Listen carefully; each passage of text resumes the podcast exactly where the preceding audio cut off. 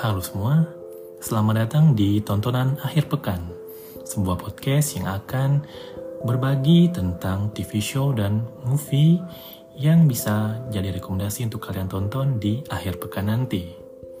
Baiklah, di episode pertama ini, mari kita pantau drama Korea Mas Girl.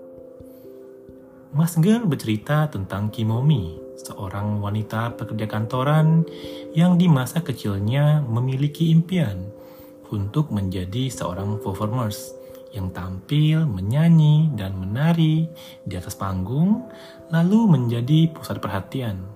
Namun, karena wajahnya yang tidak menarik, walaupun ia memiliki tubuh yang bagus, Kimomi mengubur impiannya tadi.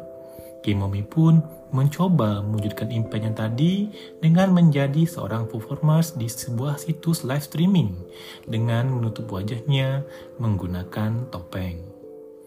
Ia pun menamai dirinya sebagai Mas Girl. Kimomi pun menjadi terkenal dan memiliki banyak fans. Dan hingga suatu hari, karena patah hatinya atas seorang pria, membuatnya melakukan hal yang tidak pantas saat live streaming dan mengakibatkan akun live streamingnya disuspend.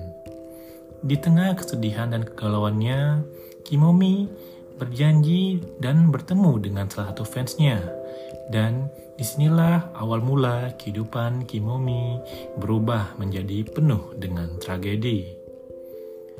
Drama ini diangkat dari webtoon berjudul sama, karya dari Memi dan Hise. Drama ini dibintangi oleh sederet nama terkenal di Korea, sebut saja Go Hyun Jung, yang mungkin pernah kalian lihat aktingnya di drama Queen Sendok sebagai Misil.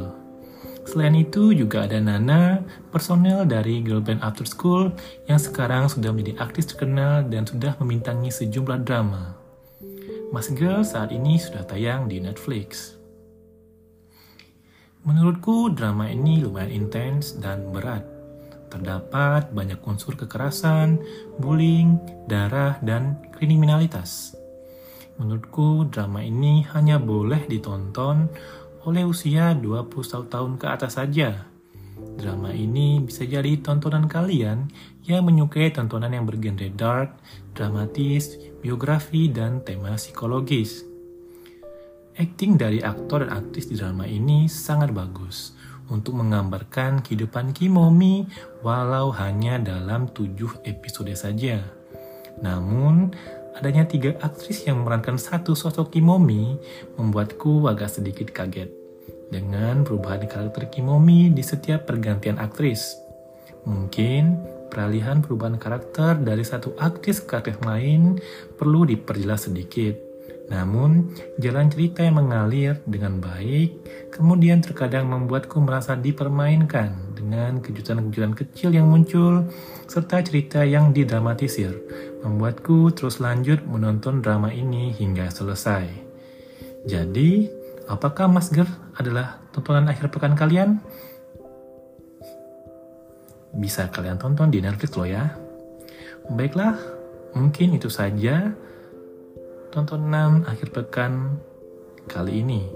Sampai jumpa di episode selanjutnya. Bye bye.